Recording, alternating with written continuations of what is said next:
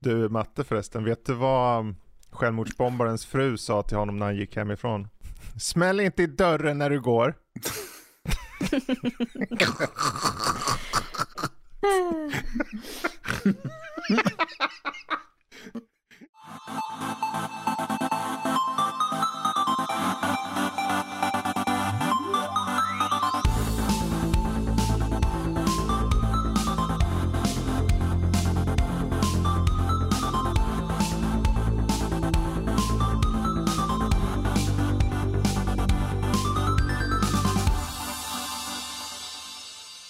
Hallå och välkomna till Nördliv. Vi är tillbaka och eh, det är äntligen dags att röra om i grytan på året 2024 med mig Fredrik. Det är Vickan, det är Matte, det är avsnitt 437 säsongstart. Och eh, hur har veckan varit för er? Matte, vad har du gjort i veckan som varit? Eh, ja, jag har väl eh, jobbat lite grann och försökt att inte tappa energi för mycket. mm. Ja, det är lätt hänt. Du då Vickan? Mm. Ja, jag eh, började veckan starkt med att vara förkyld. Mm. Så det har blivit mycket anime den här veckan. Ja, Okej. Okay. Ja. Mm. ja, det förklarar vad du har skrivit upp lite grejer. Ja, ja just det. Ja, en annan håller på eh, fixar och donar inför flytten nästa vecka. Ser fram emot att komma in i nytt boende. Det ska bli kul. Ja, just det. Um, men det är sådär, det är full rulle. Det är nytt år. Och man tänker att, åh, vad... ni vet den här, som det här lilla Goti-avsnittet vi gjorde. Det lilla. Uh, nu är det nytt år med en ny Goti-lista. Och det finns redan ett spel på det. Och det spelet kommer vi in på sen. Jaha. Faktiskt.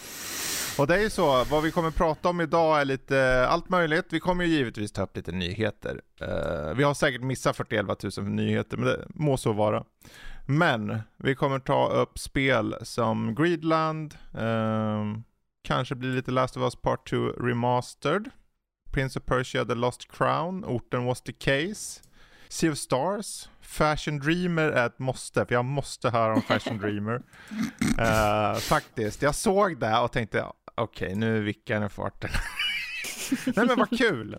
Så att eh, där bland annat, och sen får vi se vad mer vi hinner med. Eh, Vickan har ju som sagt varit lite sjuk och sett lite anime, typ 41 stycken då kanske, eller vadå? Ja. Kanske. Många avsnitt i alla fall, potentiellt.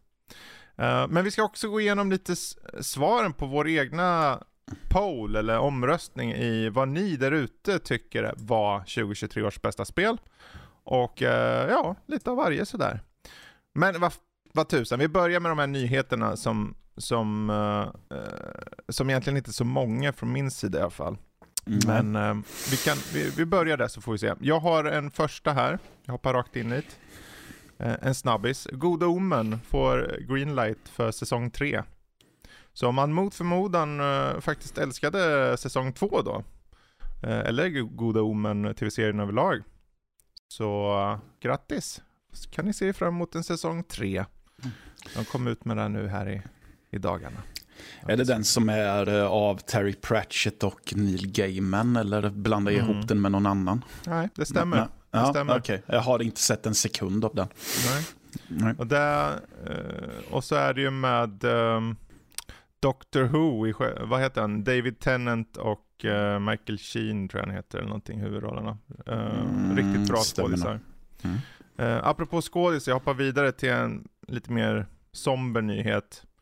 Uh, James McCaffrey gick ju bort uh, ja, nu i december. Och mm. Han gjorde ju rösten till Max Payne, bland mm. annat. Mm. Och han var också med mycket i Alan Wake 2 som släpptes nu i slutet på förra året. Där han spelar mm. Casey Jones, eller Casey...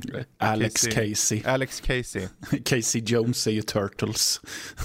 Okej. Okay. ja. Alex Casey. Um, mm. Och det är jättesynd faktiskt tycker jag.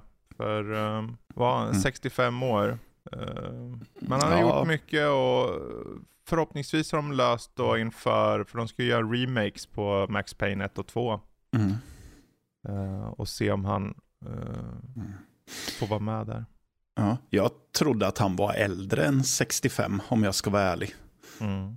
För att det känns som att han har eh, gjort saker länge och att han framförallt har låt, låtit gammal mm. länge. Eh, så. Ja. Mm. Men eh, så RIP för James McCaffrey, 65 mm. år. Um, och sen då lite, ja, och det är väl nu som ni kanske himlar med ögonen. Jag ska dra några äh, grafikkortsnyheter. och det är egentligen mest att de har ju precis lanserat ett gäng nya grafikkort. AMD har släppt ett som heter RX 6700 XT. Uh, som i sin tur egentligen ska vara ett, uh, ett billigare kort för de som uh, vill få bättre prestanda men inte behöva betala en halv förmögenhet. Och det är väl bra. Det är egentligen eh, motsvarande det kortet du har fast i ny, den nya generationen Matte. För du mm. har ju 6600 XT och det här är 7600 ja. XT. Så att uh, det är bra, att få ut lite konkurrens och det behövs. Och Nvidia släppte tre stycken kort och de här har ju jätteroliga namn nu. För de har ju tidigare släppt, ni kanske känner till det eller jag vet inte om ni gör det, men de har 40-serien så det är 4060, 4070, 4080 och 4090. Och det låter väl okej. Okay. Men så har de ju släppt de ju eh, TI-modell 4070 Ti. Och då blir det lite, okej, okay, men okej, okay, okej, okay, nu hänger vi, vi hänger med fortfarande. Men nu släpper de 4070 Super och 4070 Ti Super. Okej. Okay. Ja, och det, så som du såg ut i ansiktet där när jag sa det, mm. Vickan, så känner jag också. Mm. Men där de egentligen, det stora egentligen med det här, jag kommer fokusera på eh, ett kort specifikt, det är den här 4070 superkortet. Dels så är det starkare än föregående 4070, men till skillnad från hur deras strategi oftast är med att de ökar priset eh, markant, så har de egentligen sagt istället att de kommer, det är på samma prisnivå som vanliga 4070. Men 10-15, kanske i vissa fall 20% bättre eh, prestanda eh, med den här 4070 Super. Så att eh, de går emot lite sin egen eh, strategi tidigare. Och det är kul att se. Och det, jag tror lite har att göra med att det har blivit lite fighting på, på eh, grafikkortsmarknaden. Dels för att folk köper inte så mycket grafikkort på samma nivå som de gjorde kanske för fyra år sedan när det var en viss period. Ja. Um, så att eh, då har de eh, samma pris och de kommer fasa ut helt den här vanliga 4070 dessutom. Så att eh, det kan vara om ni är så här, ja men jag har ju funderat på att uppgradera mitt grafikkort. Håll, ett ut, håll utkik efter om 4070 kanske i vissa butiker rasar i pris för att de kommer behöva fasa ut dem. Det är ett litet tips. Och det så ni är ute efter samma prestanda fast för, alltså, eller bättre prestanda, fast för samma pris som 4070 så är det bra att försöka få de här billigaste modellerna eh, i 4070 Super-serien. Bara lite tips där. Sen mm. eh, hur, hur väl allt det här går, det får vi se. För jag vet att Nvidia nu, eh, AMD besvarade det här bara häromdagen genom att ta sitt high-end-kort som heter, det är mycket namn nu, men förlåt, men det heter RX 7900 XT. Och det brukade kosta runt 1000 till 1200 dollar. Men de mm. har dragit ner den där prislappen till eh, 7 till 800 dollar. Bara för att konkurrera egentligen. Så att, eh, och tack vare att de gör det så hoppas jag se att eh, Nvidia också måste sätta hårt mot hårt. Eh, för att det är inte lika många som sagt som köper nu känns det som. Faktiskt. Och jag tror bara i slutändan, jag vill bara se att de slåss med näbbar och klor så att vi som konsumenter bara, ja, nu kan vi välja utifrån vad vi vill köpa istället för att ni ska diktera. Sådär. Mm. Så att uh, slåss ni, slåss ni. Uh, och så sista då egentligen från min sida, det är ju då Xbox Developers Direct som var uh, igår, eller var det i förrgår? I förrgår. I förrgår, ja mm. dagarna går snabbt. Och det var ju ett ganska, det var ju inte så många spel, även om det höll på i en timme. Men de gick ju in betydligt mer eh, ingående på många av spelen. Eh, och eh, vi hade bland annat eh, Obsidians kommande spel Avowed, som utspelar sig i Pillars of Eternity-världen, som är ett första persons eh, magispel, typ, och parera och grejer. Och det påminde om Dark Messiah mm. of Might and Magic ungefär. Första personspel. Och det ska komma hösten 2024 nu. Till Steam och Xbox eh, och Game Pass. Rakt ut på Game Pass. Eh, och sen så gav de ett datum för det här Hellblade. Senua Saga Hellblade 2. 21 eh, maj. Också där, rakt ut på Game Pass men också PC och Xbox. Och den vet jag ju att många, jag vet norsken satt ju och blev till sig lite i, i näsan höll jag på Ja, jo. och det är väl helt förståeligt faktiskt. Um, sen hade vi också Ara History Untold som är då ett 4X-spel de tidigare hade visat för något år sedan och där kommer också nu i höst till PC och Game Pass. Uh, och sen så var det Indiana Jones då. And the Great Circle som spelet heter. Utspelat, uh, utvecklat av uh, Machine Games. Som de nu äntligen visade upp och gav titel på och, och grejer. Och det ska också komma ut nu i år. 2024. Mm. På Xbox, PC, Steam och Game Pass. Så att eh, det är ett par spel där som, och där var spelen som var direkt för, från Xbox. Sen visar de också upp ett Visions of Mana JRPG. Uh, eh, från Square då. Uh, det här är ju då första gången det kommer till Xbox och, och PC enligt dem då. Och det ska komma till, uh, till sommar nu.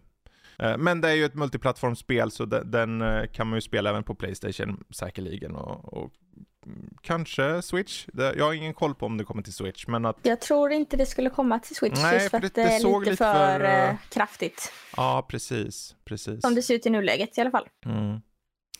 Men jag vet inte om du har hunnit kolla något på de här spelen, Vickan, men Matte har ju det va? De du radade upp där. Ja. ja, jag satt ju och kollade på eventet så det får jag väl. Mm. ja. ja. Jag lägger upp eh, det mest för att du ska få tala av dig. Jaha, ja, nej men något. alltså.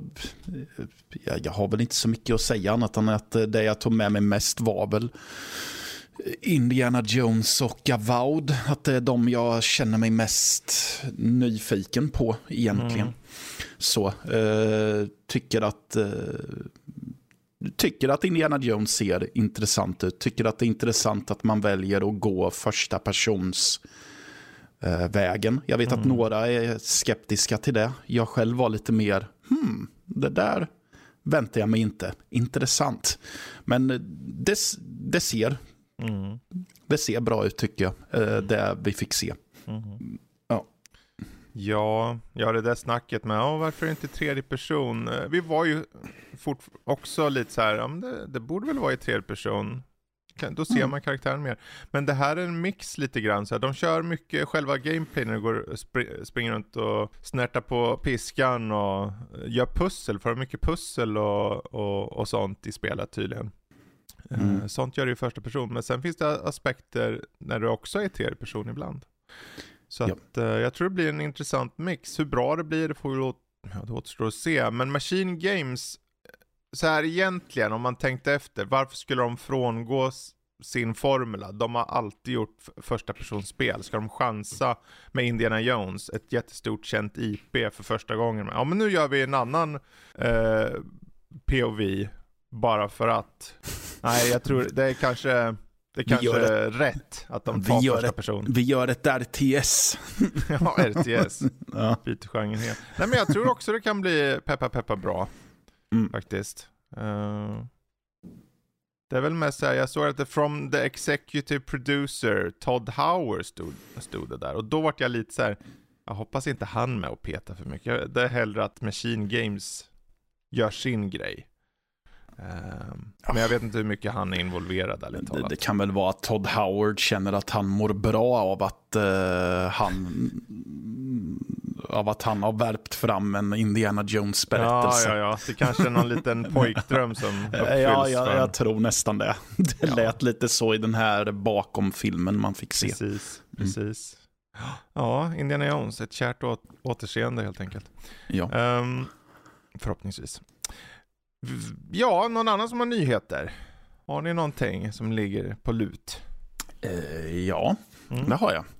Eh, kan väl börja med att eh, för nu ska vi se här. För tre år sedan så blev det en dispyt mellan Nacon, Nacon mm. Eh, och Frogware Studio, Studios gällande deras spel The Sinking City som är ett eh, Lovecraftianskt detektivspel där man spelar som en detektiv som undersöker saker i en eh, stad som börjar sjunka ner i vattnet och det kommer fiskmänniskor och grejer. Eh, men ja, de, de bråkade om vem som ägde rättigheterna till mm. spelet helt och hållet. Vilket resulterade i att spelet plockades bort från Steam framför allt. Och eh, ja, det var en jäkla härva det där. Mm. Men nu, efter 30, tre år senare så uh, har Frogware vunnit disputen och är nu ensamma ägare till spelet. Det är mm. tillbaka på Steam. De har utannonserat en ny version av spelet. Jag tror att den är tillgänglig nu till och med. Jaha. Och det ska även komma ett nytt eh, DLC vid namn Merciful Madness som ska släppas. Mm. Men den är bara spelbar med eh, nya versionen av spelet. Mm. Ja, och eh, under ett par dygn så firade de ju den här se eh, segern med att eh, rabattera ut spelet på Steam med 90 också. Så mm. det var det. Mm. Eh, kul för Frogware ändå. Ja, du, de, blev ju, eh. de blev ju snodda på pengar mer eller mindre av Nacon. Ja. Det var en jätteful, allt det där var så fult, hela den där, eh, jag kommer ihåg det väl. Mm, mm. Ja, Uh, sen så lite kort så här, det, uh, vi kommer väl återvända till den eventuellt. Eh, Last of Us 2 eh, eh, remastern har ju släppts nu till PS5. Och nu är det väl att, nu har jag hört att tydligen så håller Playstation på att återbetalar vissa användare för att de betalade vissa, för att de betalade fullpris för PS, PS5-versionen när de bara enkelt hade kunnat eh, uppgradera för en betydligt billigare peng ja. så har det visat sig att eh, de återbetalar de som har visat sig att de ägde PS4-versionen innan. Ja, det är schysst. Ja. ja, det tycker jag. Det hade de inte behövt. Om någon så här med Nej. flit, med flit, liksom bara, ja men jag ser spelet, jag vill köpa det. Ja. Och sen kommer på det, att mm. de bara, ja men det är okej. Okay. Ja. 10 dollar kostar det egentligen att uppgradera bara. Ja, precis. Ja. Det, ja, de kunde ha skit i det. de uh, kunde varit nariga där. Uh, jag, jag, antar att det är väl de som specifikt hade, jag tror att det är för de som hade förbokat möjligen mm. också. Mm. Och att de då faktiskt kunde se att ja fast du äger ju faktiskt PS4-versionen så. Mm. ja, jag vet inte hur det, men tydligen så har de återbetalat några i alla fall och det är ju schysst av dem. Ja, mm. precis. Mm. Ja, det var väl de nyheterna jag hade att bjuda på. Okay. Ja. Mm. Hade du något Vickan? Jag har inte hunnit eh, leta jättemycket höll jag på att säga. Mm. Men eh, något som jag inte kunnat undvika är ju alla rykten om eh, Nintendo Switch 2. Mm. Eh, mm. Som alla säger, ja men det kommer nu. Eh, alldeles snart, typ imorgon. Eh, okay. Nej, men under 2024 är ju det senaste vi har hört. Ja, ehm, det har ju sagts julen. Ja, en del säger julen och en del säger att den typ ska släppas innan sommaren. Men det är jag skeptisk till. Ja. Det är inte Nintendo och inte hypa upp den innan. Nej. Eh, men det pekar ju definitivt mot att det kommer någon gång under året. Och då ja. känns ju julhelgerna som ja, rimlig precis. tid. Eh, ja. Annars så har jag inget eh, som stått ut så. Det är mycket på gång. Mm. Eh, blir bombarderad av diverse eh, Kickstarter-artiklar eh, om eh, rollspel. Mm. Många fina små cozy games som kommer komma ut i switchen i år. Mm. Så jag har inte hunnit förbereda något, Nej, men det, det kommer mycket. Absolut. Det är väl intrycket. Ja, vi kommer ju följa upp och sånt vad det lider liksom. Det mm. kommer vi nog tillbaka till. Ja, men då så. Uh, för då kan vi ju ta och runda av den lilla nyhetssektionen där så tar vi och uh, kollar uh, lite på något annat. Jag tänker vi river av lite snabbt då månadens spelsläpp och Folkets Goti. För egentligen på månadens spelsläpp då, alltså för i det här fallet så tar vi slut på januari och eh, hela februari. så är det inte, alltså det är ju lite, det är lite slött nu med spel känns det som. Det finns några intressanta eh, spel och jag tror att i februari framförallt, vi har ju bland annat då den här om det är en tredjepersons action, inte skräck, den här Banishers Ghosts of New Eden den 13 i andra, där du liksom mm spelar som en snubbe vars döda fru är som en slags medspelare liksom på något sätt. Ungefär som Shadow War, alltså Shadow Mordor, att du har en, en, en spökkaraktär som hjälper dig. Uh, den, mm. den ser ut att ha potential. Eh, Likaså har vi ju då samma dag då Ultros som är en så här en psykedelisk Metroidvania i en väldigt, väldigt speciell stil som släpps då.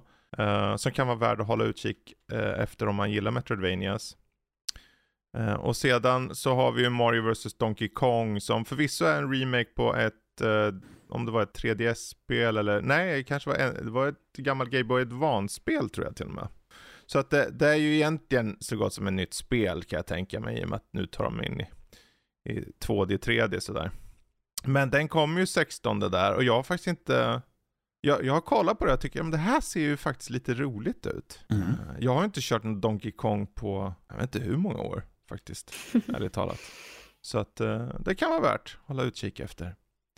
Sen så har vi då Pacific Drive som släpps den 22 februari och det spelet är ju väldigt till synes udda, för du kör ju bil genom en slags kontaminerad zon av märkliga fenomen. Och det fungerar lite som en slags, tänker typ som en roguelike, att du, fast du kör i, i första person i en bil och då och då måste du hoppa av, springa in i skogen och samla resurser, ta dig till bilen innan det här märkliga monstret eller någonting kommer och tar dig. Och du ska mm. fixa bilen för målet att ta dig ur zonen. Um, det ser ut att ha ett väldigt annorlunda upplägg.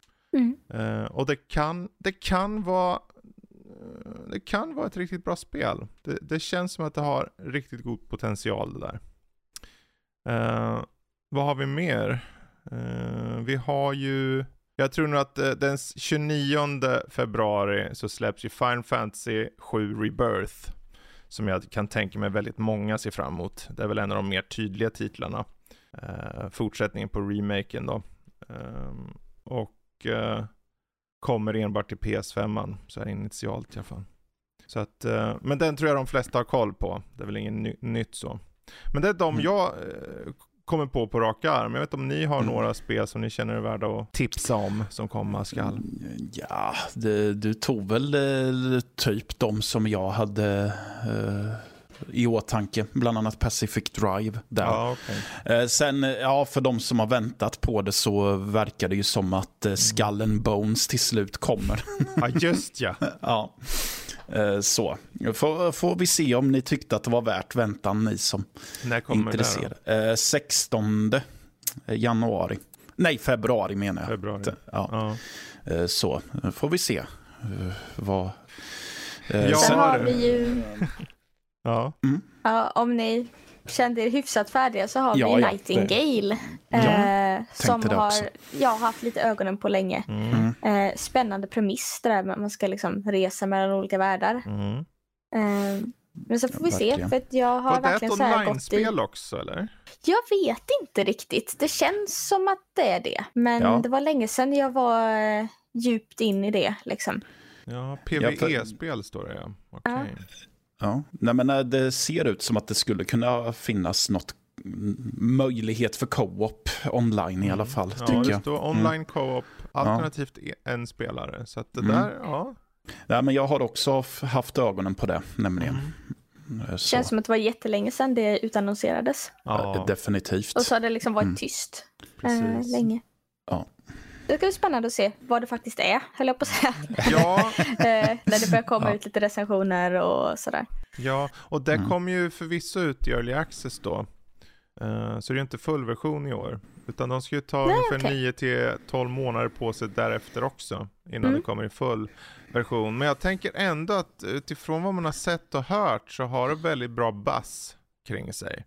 Mm. Uh, och jag personligen, ju mer jag har sett på det där, så blir ja men det här jag blir mer och mer intresserad av, för det ser ut att ha inslag av survival liksom det här med äventyrsbiten och kanske, jag vet inte om det är crafting och så, men ibland är det lite kort och ibland är det mycket, mycket narrativt i det. Så att det mm. ser ut att vara en väldigt intressant mix i något som du kör med kompisar. Um, det att, kan bli ja. för mycket och det kan bli väldigt trevligt. Ja, jo, uh, precis. Så... Precis. Om de ska klämma in för mycket alla fall det faktiskt blir det bästa i kakan liksom. Precis. Ja, jag såg bara i trailern att det var en kille som, eh, sättet han gled ner från, från någon hög avsats var genom att ha ett paraply. Och då vart jag ju såld. Eh, nej, men det, det såg lite mysigt ut. För att du vill embracea din inre Mary Poppins. ja, precis. Ja. ja. Men eh, okej, okay, men du hade inga mer där eller? Vilka? Uh, Island of Insight är något jag bara för jättekort sen mm. eh, snubblade över. Det är pusselspel i mm. en väldigt vacker miljö. Eh, lite oklart tempo, men det känns som att det är lite upptäckarglädje att kunna mm. se den här fantastiska världen tillsammans med pusslen utan att det blir alltör... Eh, jag menar, eh, Immortal Phoenix hette det nog va? Eh, som var ett pusselspel fast det var lite Zelda, fast det var lite mm. allt. Det kändes mer behagligt pusselspel mm, på något vis. Eh, så den ska jag kika på när det närmar sig där mm. den 28. Ja, precis. Ja, den är ju så att uh, den ska släppas någon gång i februari där. Så den har inget exakt datum. Um, så kanske det.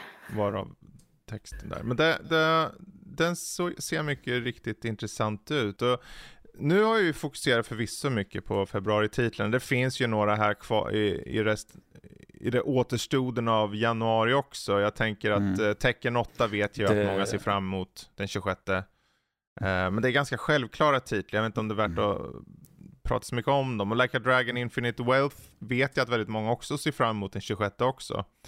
Så att, uh, däremot här, vet jag inte om det är lika många som ser fram emot den här Suicide Squad Kill the Justice League, för den, den har fått ganska dålig press. Uh, känns det som. Ja, så den hypen har väl dött stenhårt för alla känns det som nästan. Från att, från att nästan hela världen var peppad i att ah, det är ja. de här karaktärerna och det är rocksteady. Nu ja. jäkla blir det åka av och sen har det bara... Sen såg de live service elementen och blev väldigt avtända. Ja. Så. Men vi får väl se. Är, man kan inte säga något förrän man spelar själv såklart egentligen. Men att, ja. Jag tror det enda sista, det var ändå relativt långt nu, förlåt. Men jag, jag ser ju här, Helldivers 2, jag körde ju första Helldivers en hel del då på Playstation mm. för många år sedan när det kom där. Och nu när de släpper tvåan som går till en tredjepersonsläge, förut var det ju top-down i första. Um, och det, och det är ju ett co-op-spel och där tänker jag, men där var det kul att sno med sig någon skäggig filur kanske och någon härlig människa till som man kan lira. Ja, du, ja, du, du verkligen breddar dina alternativ på människor att spela med hör jag. det är ja. sådana krav jag har. Ja. Man måste ha skägg. Ja, precis. Man måste ha skägg. Mm -hmm. Aj, aj. Det tar en stund för mig. Ja, det var bra. Ja, men eh, det där får räcka. Jag menar, är det någonting ni känner att vi saknar att lyfta eller något så skriv gärna in på vår Discord. Det finns ju en speldiskussionskanal. Det här tycker jag är värt att hålla utkik efter i januari, februari. Eh, och för att nå Discord är det bara att hoppa in på sajten, nörli.se och sen till höger där så finns det ju en Discord-knapp, bara connecta. Eh, helt valfritt. Eh, bra, men då eh, tänker jag att jag ska kolla nu här med er på vår lilla eh, omröstning som vi släppte i eh, mellandagarna. Eh, jag var ju nyfiken för vi gjorde ju uppenbarligen Game of the Year och fick fram vad vi kände var årets spel.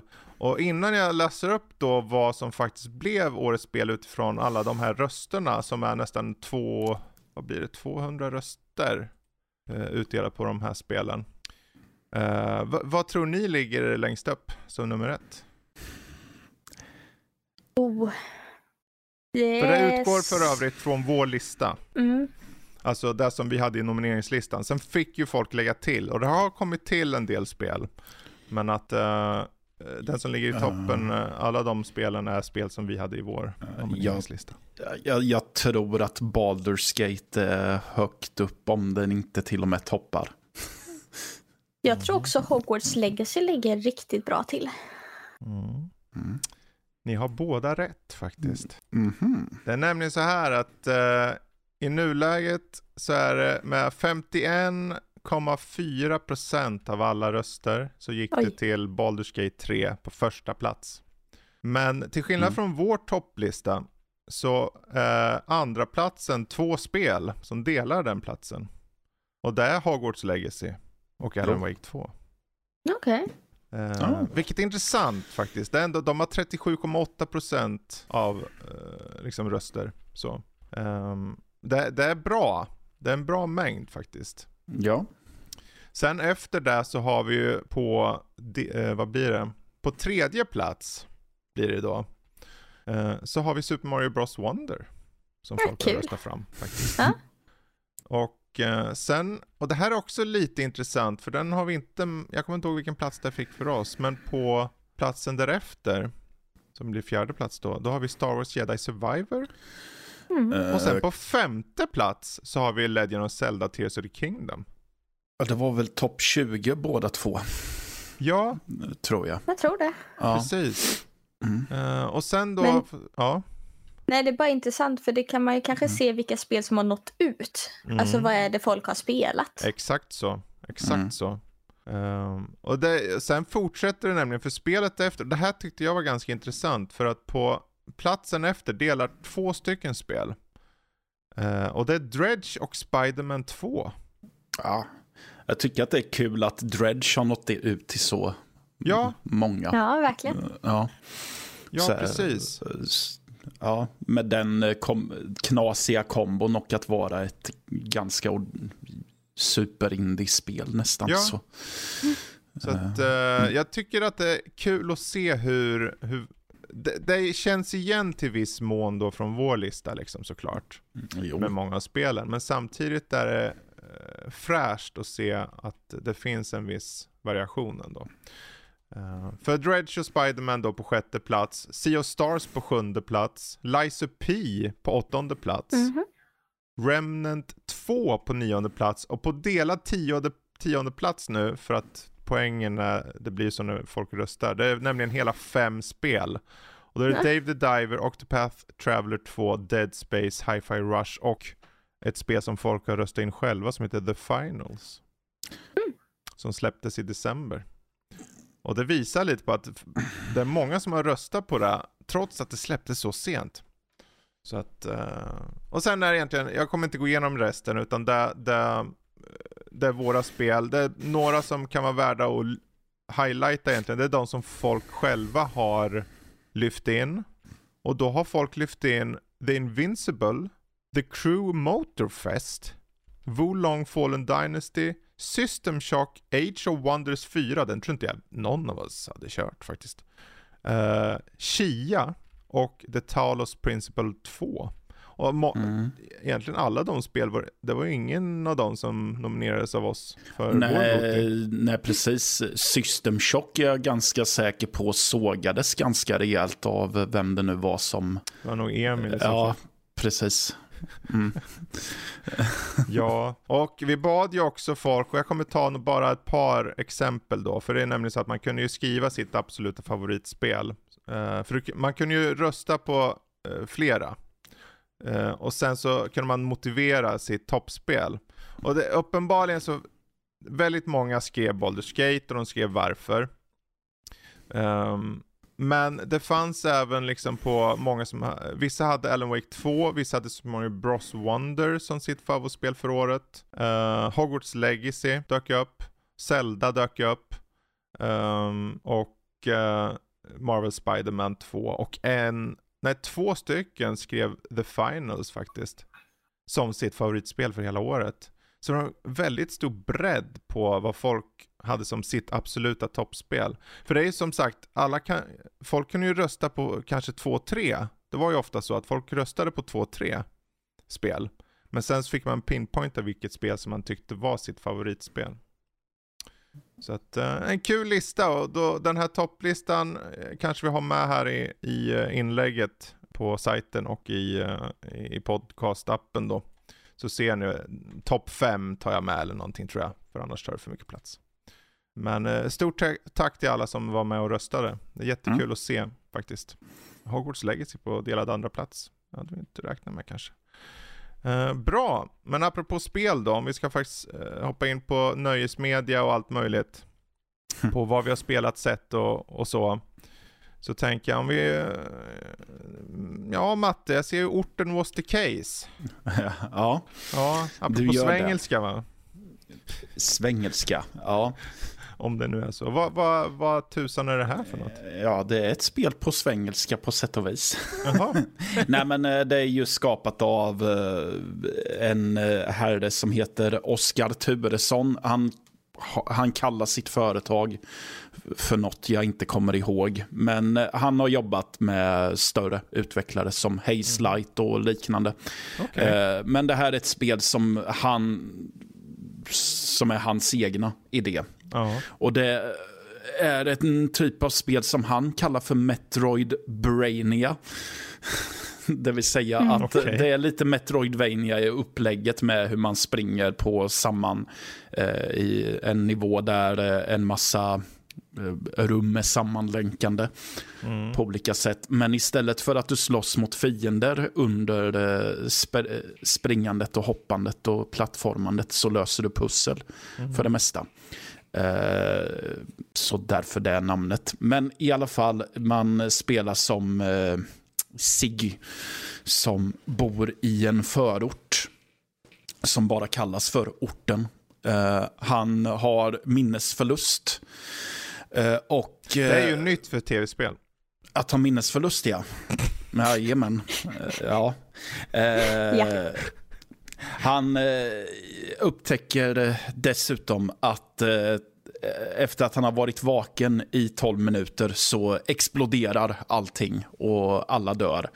Men han upptäcker Oj. också att han är fast i en tidsloop ah. under de här 12 mm. minuterna. Det är också nytt. Det är väldigt nytt. Det var inte alls så att det för typ tre år sedan kom en hel drös med tidsloopspel. Ja. Det, det, är en villfarelse vi alla har. ja, nej men så han bestämmer sig för att han ska se om han kan stoppa mm. explosionen och se vad det är som döljer sig egentligen. Och vi får stötta på väldigt märkliga eh, karaktärer. Här allt från eh, så här, poli, en, polis, en polis som är väldigt influerad av amerikansk film i sitt sätt att prata. Mm -hmm. Och eh, så här, hemliga sällskap och eh, ja, mycket eh, så här, eh, avdankande fyllon och grejer. Mm. Um, det, det, det bygger väldigt mycket på att du ska kartlägga människors eh, handlingar och så, för de sker på väldigt specifika klockslag. Mm. Och eh, för att komma fram till sanningen så gäller det att eh, verkligen detektivarbeta sig igenom alla förgreningar i berättelsen. Att det är lite så här, ja, men om jag går och gör den här grejen vid den tiden så borde jag få tillgång till lägenheten här. Mm. Eh, eller så. Eh, och eh, det, det, det får ju med sig att jag har, även när jag inte har spelat för stunden så har jag suttit och funderat på just det här att ja, men om jag tar den vägen vid det tillfället så mm. borde jag kunna lösa det problemet. Eller vad, som det framförallt kommer bli längre fram. För du, du får ju reda på vart du kan hitta genvägar till mm. vissa rum. Och då tänker du att ja, men om jag gör den här biten så kommer jag komma till den punkten snabbare och det måste jag göra för att göra ditten och datten. Så det är mm. mycket, mycket sånt. Eh, väldigt mycket mer smak tycker jag att det ges. Och eh, jag tycker att berättelsen och allt och mysteriet runt omkring och alla karaktärer är väldigt mm. välskrivna. Så min upptäcks utforskande lust väcks så det bara står härliga till mm. egentligen. Eh, väldigt svag för um, grafiken. Det är en handmålad sådan som påminner lite om Jan Löv och Sven Nordqvists eh, illustrationer i deras böcker. Mm -hmm. eh, tycker jag. Eh, om de hade valt att eh, illustrera allting så fult de bara kan. Eh, okay. Inte att eh, artstylen är ful, utan att man märker att eh, karaktärerna är liksom, eh, det är oftast där, att karaktärerna är framställda på ett så ocharmigt vis som mm. möjligt. Liksom. Jag får, jag får nästan så. lite, för mig ser jag karaktärsdesignen nu, för jag kollar mm. online här, jag får nästan lite som att det vill luta mot någon slags rysarhåll nästan ibland. Jag ja, men någon, ja, nästan. Det är någonting väl, det är inte att det är skräckspel något, men att den har någon form av, det finns bara någon känsla av att det, något inte riktigt rätt bara ja. i världen. Liksom. Det, det, är väl den stämningen, stämningen som spelet jobbar på helt och hållet. Mm. Att det finns någonting under ytan som mm. inte är som det ska vara. Och att du, lä, du kommer ju stöta på sanningar som det kanske hade varit bäst om det hade fått förbli begravet egentligen. Mm. Så. Ja. Eh, det finns ju lite bekymmer dock. Han, eh, huvudkaraktären ser ju ganska gänglig och spinkig ut och det översätts ju i sättet han är animerad, alltså hans rörelser. Aha. Vilket gör att han är ju som jag uttryckte i skrift, sladdrig som en överkokt spaghetti ungefär. Vilket gör att han vill... Framförallt är det ett tillfälle där man ska eh, orientera sig ner i en gruva och där det finns lite hål att ramla ner för så att man dör. Eh, mm. Det gjorde jag väldigt ofta för att han fick för sig om att ja, nu ska jag trilla ner i det här hålet istället för att gå dit du vill ah, att jag ska okay. gå. Eh, lite träligt. Och så mm. är det mm. tvärtom vid de få striderna man utsätts för. För då blir han skitstel istället. Okay. Lite som en gammal gubbe med käpp med och ryggproblem. istället. Uh, så mm, eh, lite frustrerande grejer att stå ut med, men på det stora hela tycker jag definitivt att det är ett spel ja. som är väl värt tiden.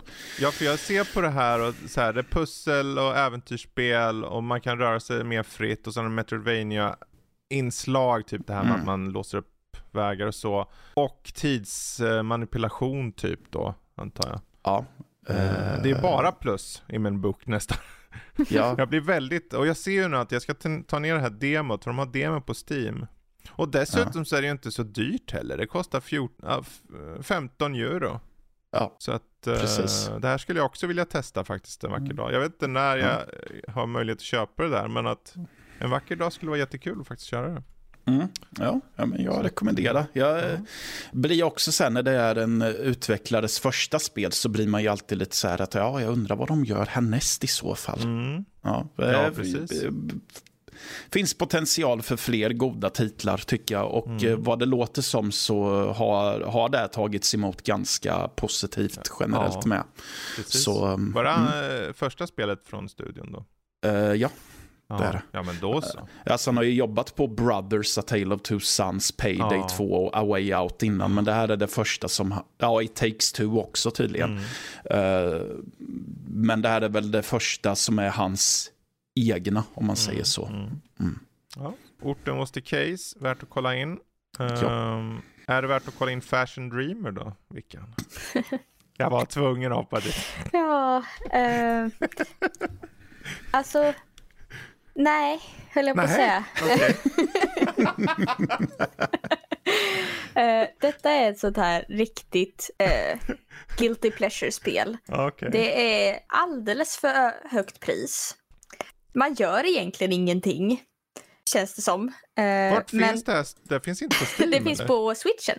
Ja, det är på, på Switchen. Okej, okay. Okay. är det enda stället det finns på just nu. Mm. och det är ju ett modespel såklart. Eh, du är en influencer eh, som samlar på dig kläder, träffar på folk och fixar deras outfits.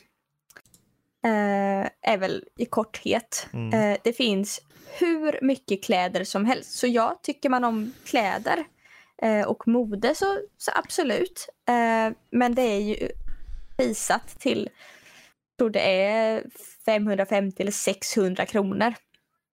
för ett spel som du kan spela ut. Du kan få eftertexterna efter, ja, tio timmar kanske max. Eh, och det är ju inte dåligt i sig egentligen om man ska liksom jämföra så. Men jag blev lite besviken när jag startade första gången. För jag spelade ett spel på eh, DS mm. som heter Style Boutique. Mm.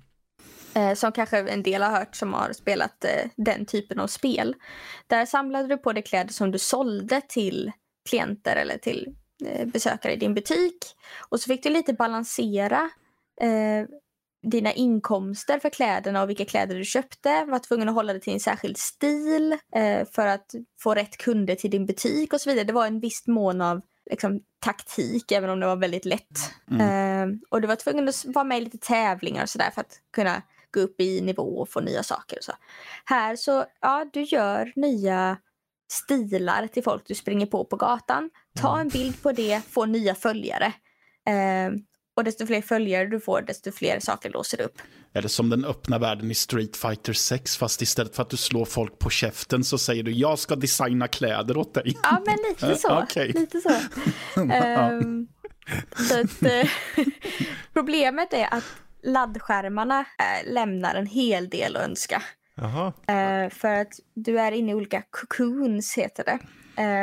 det är egentligen olika områden. Mm. De måste du ladda in var för sig Eh, och mellan varje del av varje område som är uppdelat i flera småbitar så har du en laddskärm. Eh, mm. Och det laddar alltså väldigt ofta. Eh, inte så ofta när du ska designa en, eh, en outfit, mm. vilket är konstigt för att du har ju tusentals grejer i din garderob du kan använda. Mm. Men just laddskärmarna, varför kan inte ett sånt här litet område som du ändå kan röra dig i vara utan laddskärmar? Mm. Eh, när du ska starta upp spelet och vara, köra online, för du kan välja ifall du kör online eller själv. Kör du online så får du även andras designs, för du kan låsa upp och byta färg på vissa kläder mm allt eftersom. Mm. Och det finns massa poängsystem och grejer. Eh, men som ändå känns som att okej, okay, jag kan göra den här tröjan blå. Eh, jag kan ju välja från ett färghjul men det blir liksom tomt på något sätt. Eh, mm. kreativt fast du är begränsad. Eh, men kör du online så laddar det och mm. det laddar. Jag kan gå och göra en kopp te medan spelet startar sig. det är så långsamt. Jag vet liksom inte riktigt vad det är de laddar ner. Eh, för det är ju någonting, connectionen liksom, som mm. tar tid. Så det är det som är det stora problemet för mig. Det är ett spel som inte ger dig någon som helst story. Main questen tar slut på tre timmar. Mm. Eh, och du känner dig ensam trots att det är så mycket folk. Jag har bara negativt att säga om det här spelet och ändå så älskar jag det. Alltså... det är jättesvårt att förklara. Men det som håller, tänkt att hålla kvar spelare framöver ja. är ju att de kör olika fairs. Eh, mm. Alltså limited time grejer där du mm. kan få, genom att slutföra enkla små uppdrag, få specifika kläder. Mm. Och de har kört två sådana sedan spelet släpptes i höstas. Uh, och det är väl egentligen, ja, det är ett dåligt online-spel för de som tycker om mode. Uh, har du en DS, du skaffa Style Butik. så väl. Liksom.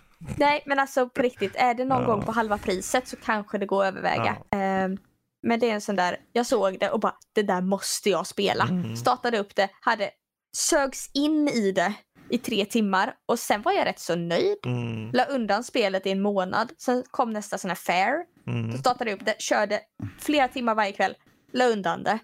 Så det är sånt där, man tar upp det för att det kommer något nytt. Precis. Och så tröttnar man egentligen på det direkt. Eh, så det kommer nog utveckla sig liksom allt eftersom. Och eh, ja, hittar du på rean någon gång? Absolut. Men nej, jag rekommenderar det tyvärr inte. Nej, Okej, okay. ja ja men det, det, för de som älskar genren så kan det finnas något där, på, särskilt om den hittas precis. i rea-backen kanske. Ja precis, ja. för det är ju absolut beroendeframkallande. Mm. Man glömmer tiden. Eh, men när du väl har lagt undan det så plockar du nog inte upp det igen. Vilken, vår egna lilla modedesigner. något sånt. Ja. ja, ja, men vad kul. Då Fashion Dreamer var där. Um, kan jag riva av lite ett spel som jag då nominerade faktiskt här till Goti för i år. Det är snabba ryck. Mm -hmm. Det är ett jävla tjat om det här. Men det är ju Prince of Persia. Bollen. Prince of Persia, The Lost Crown. Mm -hmm. uh, mest för att de har lyckats, Ubisoft, att släppa ett spel som är riktigt bra. Grattis. Oj då. Nej, men det är så här, de, de, jag skulle inte säga att jag tycker synd om Ubisoft, för de är ett multinationellt, så här, de tjänar miljoner på miljoner, så det är inte synd om dem så. Men det har inte gått bra med många titlar. Men nu när de då på något sätt har gått tillbaka till bordet och tänkt, okej, okay, hur, hur, gör vi med Prince of Persia? För de skulle göra en remake på Sands of Time, kom det ut för kanske ett år sedan, halvår eller när det var. Och sen sköts det på och det blev inte av, och man inte vad som hände med det. Men under tiden har de då arbetat på den här uh, Metroidvania Prince of Persia, ett, ett, mindre spel som det här är då. Uh, det är nästan en ren uh, Metroidvania i sig, alltså en slags um, 2D, 3D eller vad man kan kalla det. 2,5D till exempel då. Uh, och uh, det, det utspelar sig uppenbarligen i Persien, men du är intressant nog inte den titulära karaktären. Utan du spelar som en krigare som heter Sargon. Som är, består av en elitstyrka som kallas det Immortals. Och deras uppdrag är att få tillbaka prinsen som blir bortrövad. Uh, och uh, ni tar, tar er till en viss plats, en, en, ett berg som heter Mount Cuff. Typ så. Och på det här berget så blir du liksom, du kan inte gå ifrån berget för det visar sig att det finns magiska krafter här. Någonting med tidsaspekter kanske. Och eh, på den vägen är det. Du spelar som den här Sargon och gör allehanda Metroidvania. Du hoppar och akrobatik och du slår monster och du låser upp för, förmågor. Och det finns tidsaspekter i förmågorna, att du kan teleportera dig till olika platser. Och de har löst en aspekt som jag tror många Metroidvania-spel kanske rent av tar efter det här nu i fortsättningen. Hur, har ni kört Metroidvanias mycket någon gång eller? Eh, ja, det en har, har hänt. Blivit. Ja. ja. För det blir ju lätt så här, man har så här enorma kartor och tänker, men du, jag skulle, jag, man, man går fram och tillbaka, det är mycket backtracking och sånt. Mm. Och ibland så blir det så här, vart var den där grejen jag skulle göra nu? För jag ser bara kartan och jag har ingen aning vart den är. Det har de löst här genom att du i spelet har en slags förmåga som gör att du kan fotografera platsen. Så att, och den sätts på kartan som en, som en punkt då. Så att när du hovrar, säg att du går in på kartan, då hovrar du över den punkten, då ser du den lilla bilden. Och då ser du, aha, det här är där den där mojängen är som jag skulle hitta och lösa som jag märkte för fem timmar sedan. Till exempel. Och eh, bara en sån liten sak gör att spelet höjer sig i sig. Men själva akro det här akrobatiska, det passar som handen i handsken med Prince of Persia. Storyn är ganska basic initialt, men den får en liten twist i slutet. Och uppenbarligen är det ju inte, det är kanske en spoiler i sig, men du, du är ju inte prinsen, utan det är prinsen du ska rädda mm. istället. Så att uh, det, jag tycker det här är en väldigt bra start för förhoppningsvis en ny serie från Ubisoft. Um, den har en mer uh, animerad, målad stil uh, till viss del. Och uh, leker med det lite övernaturliga här och var och så. Och förmågorna som, som den här Sargon får passar väldigt bra in i genren. Det får lite Ori and the Will of the Wisps känsla ibland. För du ska liksom hoppa över det är alltid någonting med enorma taggar som sitter i en vägg som du bara dör ögonblickligen om du träffar. Men vi vet ju alla hur Prince of Persia-spelen att han hoppar på väggar och studsar och så, så det passar perfekt in. Så att eh, är det så att ni är ute efter ett spel, om det så är på Switch, eller på konsol eller PC, och ni vill ha lite Metroidvania, då är Prince of Persia The Lost Crown eh, på många sätt och vis ett måste. Givetvis, precis som Metroidvanias i allmänhet, ni kommer bli frustrerade som as. Det bara är så. Ni vet hur det är, man går någonstans och tänker, ja, dit ska jag nå, men det är roterande spikes hela vägen dit. Åh oh, gud, hur gör jag? oh, jag ska hoppa och så i luften ska jag dasha framåt och sen ska jag ta en teleportering dit och så. Det kommer vara frustrerande. Det är schysst då att de har fem svårighetsgrader och du kan till och med få hjälp på plattformssektionerna om du faktiskt vill. Du kan till och med skippa dem. Okej, okay. hur skippar man plattforms jo, i för om, om du sänker svårighetsgraden så är det så att när du kommer till en session där du ser på kartan, okej, okay, här börjar du med massor med plattformande. Då kommer det vara en liten teleportplats precis i inledningen av det. Och går du in i den, då förs du till slutet av plattformsessionen. Du måste fortfarande ta ut bossar och eh, varelser och sånt själv. Men om du vill skippa det och sänker till den absolut lägsta liksom, eller du kan till och med finjustera svårighetsgraden. Du kanske, om jag vill ha det här i svårighetsgrad för fiender, men det här vill jag dra ner på plattformandet, då kan du göra det också. Mm. Så ja. spelet är väldigt snällt mot nya spelare, men om du kör som jag på normal eller på, på högre svårighetsgrad, då blir det jäkligt utmanande. Precis som Metro Dread. Jag fick Metro Dread-känsla uh, av det här, faktiskt. Så att eh, jättekul att året börjar så starkt med det här faktiskt. Och det har inte något så här enormt uppgraderingsträd eller något, utan du har, du har ditt, dina vapen och de kan du sen uppgradera i, i två, tre steg som mest. Och that's it. Och sen samlar du på dig amuletter som du har en viss mängd platser på ditt halsband som du hänger dem på halsbandet. Och då ska du liksom, okej okay, vilka amuletter ger vilka buffar och that's it. Så det finns lite strategi och det, det är en fin nivå.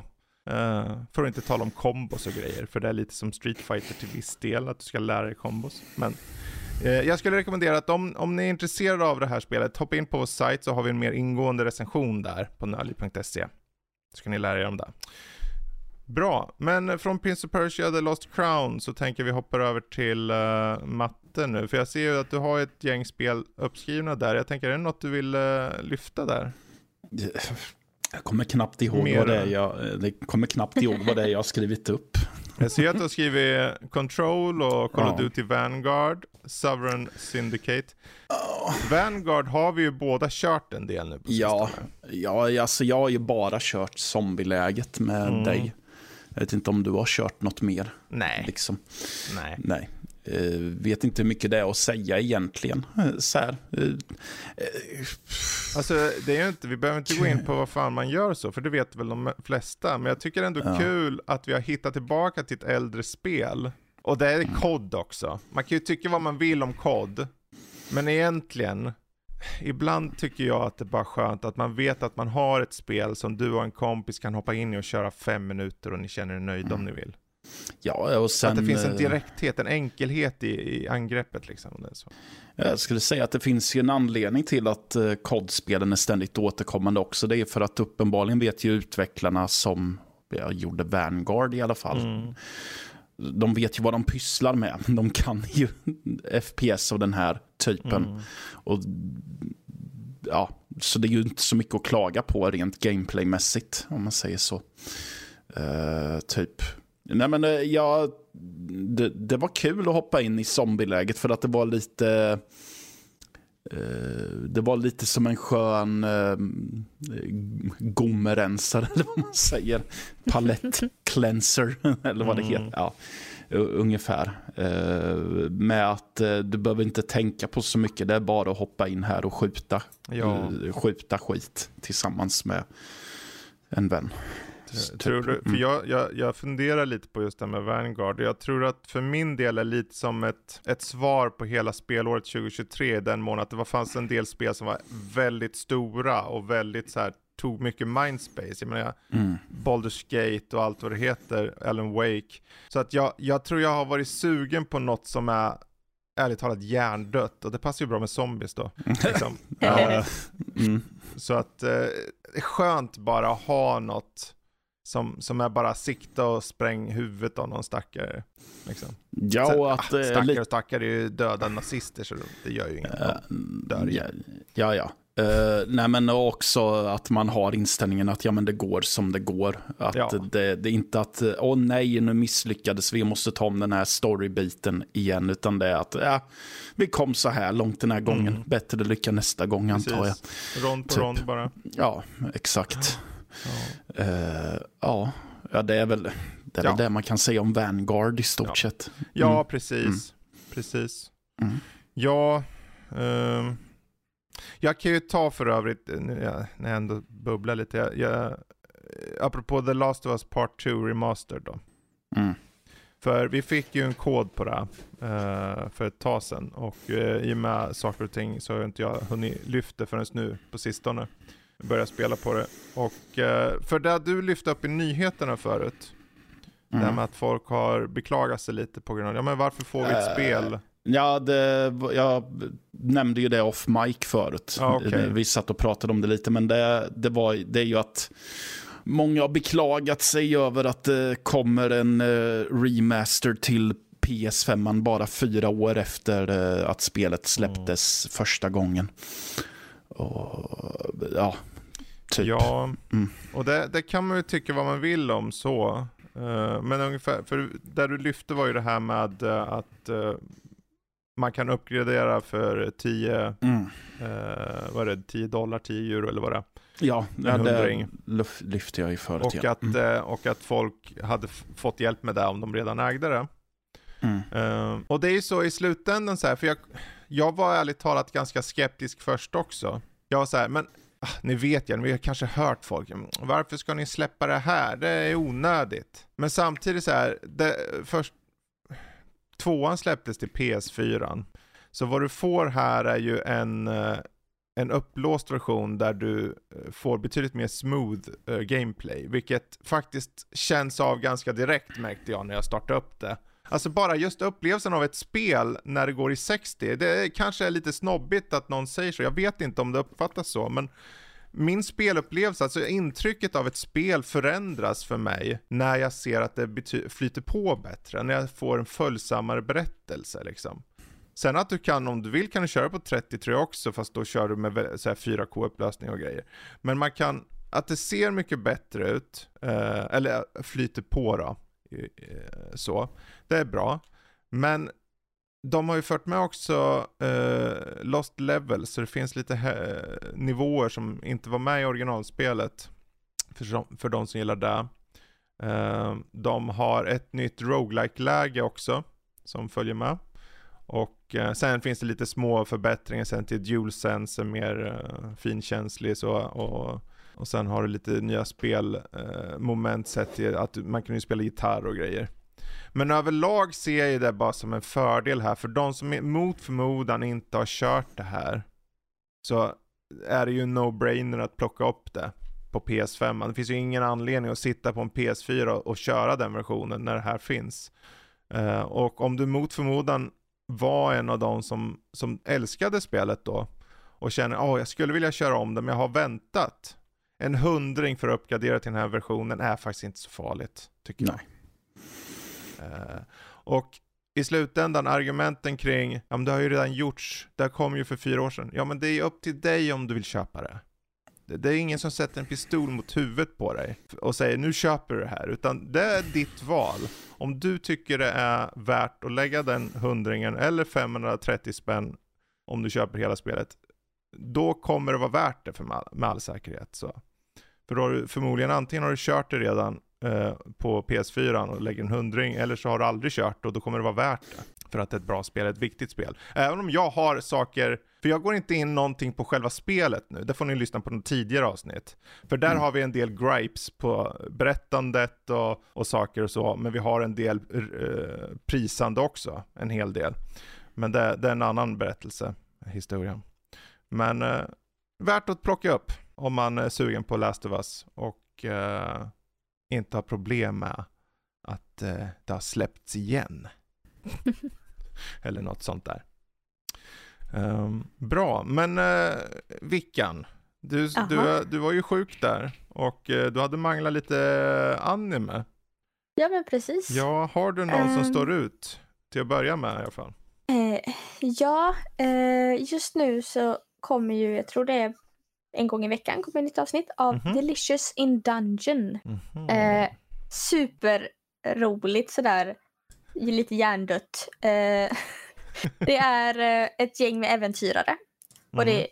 tropesen liksom. Eh, som är nere i en, längst ner i en dungeon. Mm. Där blir deras eh, helare, tror jag det är, uppäten av en jättestor drake.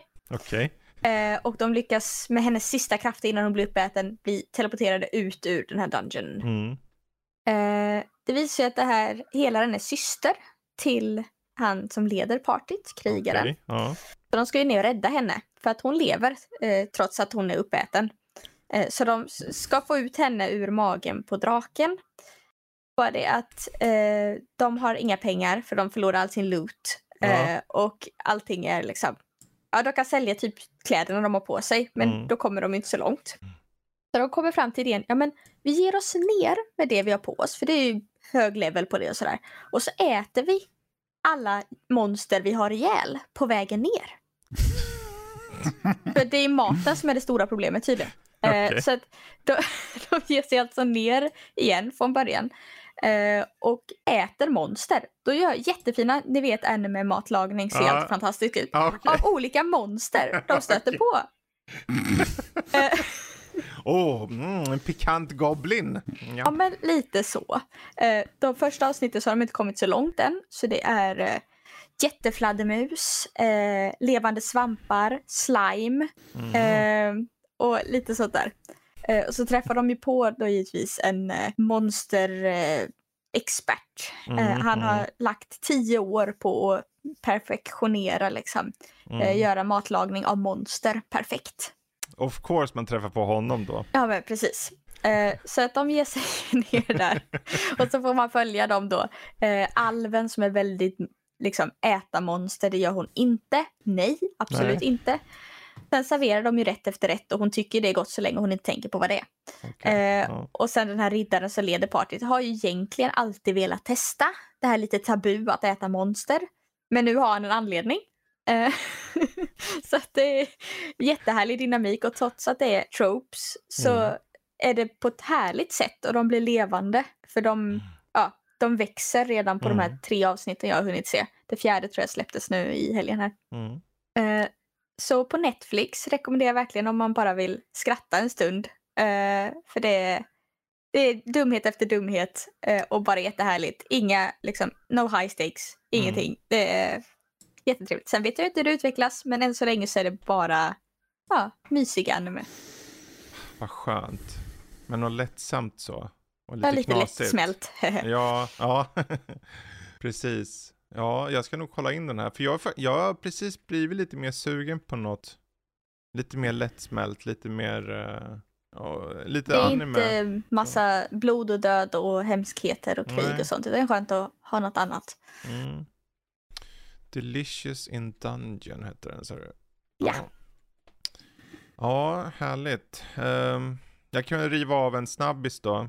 Uh, för som jag nämnde förut där med, apropå varför man körde kod lite, för att man vill ha lite mer snabba hits eller man bara vill mosa lite, inte behöva tänka. Jag har ju kört lite för mycket i ett spel som, som jag gjorde någon förhandstitt på som heter Greedland. Och Greedland är egentligen bara en så här en top-down shooter hård mode. Det vill säga det kommer tusentals jäkla aliens från alla håll på en fast liten karta och du kan inte gå utanför kartan, du måste hålla dig och du ska bara överleva i en viss tid. Och sen så klarar du bara bana för bana och sen under tiden så får du ju XP, de droppar så här typ kristaller och kristallerna fungerar som XP. Och så får du upp tre kort och så får du välja en aspekt som du uppgraderar då. Påminner till viss del om Vampire Survivors fast du faktiskt bokstavligen skjuter själv. Uh, och jag vet inte, det är någonting med den här survivor uh, like, roguelike elementet som jag tror, just nu så passar det mig väldigt bra. Jag kan bara sitta där och mangla det här, se tusentals monster mosas och till stora blodhögar medan jag sätter på en, en YouTube-klipp vid sidan om eller någonting. Och bara liksom kan andas ut medan monstren tar sitt sista, sista andetag. Um, jag vet inte, jag, jag, jag, jag, vet inte om det är någon där ute som gillar den här top-down shooters med survival och uh, uh, lite roguelike element så kan jag rekommendera Greedland. Uh, dels är det förvisso i early access så det är inte helt klart, men det kostar en hundring ungefär. Och det har ett demo också, så om man gillar den genren så kika in, kika in det. det är, ibland är det bara kul att skjuta skit. Och inte behöva bry sig mer än någon strategi eller något sånt där, utan överlev så långt du kan. Så, och sen kan du byta till annan spel om du vill. Men, um, ja, Matte, har du någonting? Jag ser att du har Control och Sovereign uh, Syndicate där. Mm -hmm. Är det någon av dem du pratar gärna om eller? För jag är ju lite nyfiken på dina intryck på Control, ska jag väl med Yeah. Ja, alltså jag är ju, jag är ju färdig med uh, själva huvudberättelsen i Control. Aha, jag är okay. inte färdig med um, något av nej, nej, Det startar ju ett, uh, det är väl det som heter The Foundation eller mm. något sånt där, där man ska ner Precis. i botten någonstans. Uh, och sen så vet jag att det finns ett till som uh, knyter an lite mer åt uh, Alan Wake. Mm. Och det var ju väldigt mycket på grund av Alan Wake 2 som jag bestämde mig för att dra igenom Control. För jag kom mm. på att jag har inte spelat det och jag vill se hur de, hur de är kopplade och mm. lite så. och ja, det, första intrycken jag hade var ju att jag förstod ju att det skulle vara Eh, lite märkligt på ett sätt. Eftersom att det, det, är ju Alan Wake 2 också. Men jag hade inte väntat mig att Control skulle ta eh, steget till att ja, men vi är jättemärkliga direkt. Det, det är liksom en stor del av berättelsen i början är ju och konceptet med spelet är mer bara att komma fram till okej. Okay. Det, det känns som att premissen i början är väldigt mycket komma fram till vad berättelsen i resten av spelet är. Mm. För det, det, vi vet är att vi, är det Jessie hon heter? Ja, Jessie Faden. Jessie Faden. Kommer till uh, The Federal Bureau of Control. Och uh, vi får reda på att hon är där för att hon vill ta reda på vad som hände med sin bror. Sen, uh, men huset verkar märkligt för att det är väldigt tomt överallt. Och sen så är det svävande figurer som mässar lite överallt. Inget konstigt alls. Nej. Inget konstigt alls. Plus att eh, när hon eh, kommer till chefens kontor så verkar det som att han har skjutit sig i huvudet och så är det någon röst i hennes huvud som säger att hon ska ta hans pistol. Vilket hon gör och då får hon reda på att ja, ja du, du, är, den, du är nya chefen. Grattis. ja. Och, och det, det, här är bara början av spelet, ja. typ så det börjar. Så. Och då är det också intressant, för det första hon träffar ja. på när hon går in på Control-byrån är ju en janitor som hon träffar där. Ja, som säger att ja, men det är du som är min nya assistent. Man bara skönt att slippa sköta det här själv. Så jätteudda liksom. Ja, jätteudda är det. Men det är också så här att jag gillar att de verkligen eh, har omfamnat att vara udda och märkliga mm. i det här. Uh, så. Sen är gameplay väldigt mycket av ett, uh, det, det, är ju väldigt mycket av ett actionspel. Det är ju en, mer eller mindre en skjutare i tredje persons mm. uh, vy. Och det blir för mig blev det fruktansvärt svårt efter ett tag. Mm. Också. Jag dog nästan hela tiden. Mm. Kan ha att göra med att eh, jag var lite dålig på att använda, för hon lär sig, och hon lär sig lite speciella förmågor. Hon kan använda sig av telekinesi och eh, hon kan sväva längre fram och eh, mm. lite sådär sen. Jag var väl lite dålig på att använda dem på ett taktiskt sätt. Ah, och det okay. är väl lite det som jag kanske var det jag hade svårt för. Det var att jag kände att det kunde tendera att bli lite rörigt ibland. Mm. Rörigt med att hålla reda på vilken av mina förmågor som gjorde vad. Mm. Uh, och också rörigt med att ibland var det väldigt mycket fiender. Så att jag knappt ens hängde med på vart det var jag tog skada. Någonstans ifrån. Men eh, jag härdade ut som sagt mm. fram till slutet. Och eh, det är just det att i och med att allting är så vagt och diffust hela tiden och att de aldrig riktigt eh, berättar rätt ut vad det är som försiggår så blir, det ju, blir ju det en morot till att fortsätta spela mm. vidare för att man vill ha reda på vad handlar ens det här om? Mm. Kommer jag få svaren? Jag måste ju spela vidare för att få reda på det. Mm. Ja. Jag Eh, gillade väldigt mycket och det stärkte ju liksom min uh, kärlek till uh, Alan Wake 2 framförallt. Mm. Just för att det, de fördjupar ju, i och med att jag tycker att det funkar att köra Alan Wake 2 först och sen hoppa tillbaka till Control. För att då, du får ju lite mer det är ju ett sätt att liksom fördjupa sig i vilka de här FBC eller mm. de här Federal Bureau of Control är. Även om du inte får en superklar bild så får du lite så här att uh, vad det är de pysslar med. Precis. Mm. Precis. Så. Sen är det ju karaktärer som dyker upp i båda spelen. Det är ju mycket den här mm. psykologiska biten och precis som Alan Wake där med att de, att de integrerar film i scenerna. Mm. Mm. Även om det här är inte lika mycket kanske som i Alan Wake. Nej. Men de har ändå det och man märker direkt varför det är som det är i Alan Wake 2 då. Ja. Um, så att, uh, och det har väldigt, jag tycker om just den här visuella stilen de har. Den är väldigt, de har valt en stramhet i designen på liksom det här, the house. Med mm. Eh, räta vinklar och det är väldigt här, starka färger. Och, och sen kommer de här monstren eller vad nu de är. The mm. Hiss. Och ja. äh, inte zombies, inte monster, vet inte, det är människor som har blivit förvrängda liksom och bara långsamt glider över marken. Det, det, mm. det, skapar en bra atmosfär och ton som jag tycker är väldigt egen. Så. Ja. Control.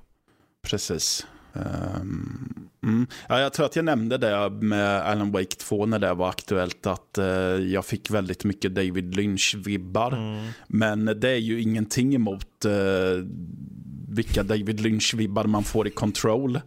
Eh, framförallt, eh, framförallt Twin Peaks-vibbar. Det här är ju som att vara i The Black Lodge konstant mm. i stort sett.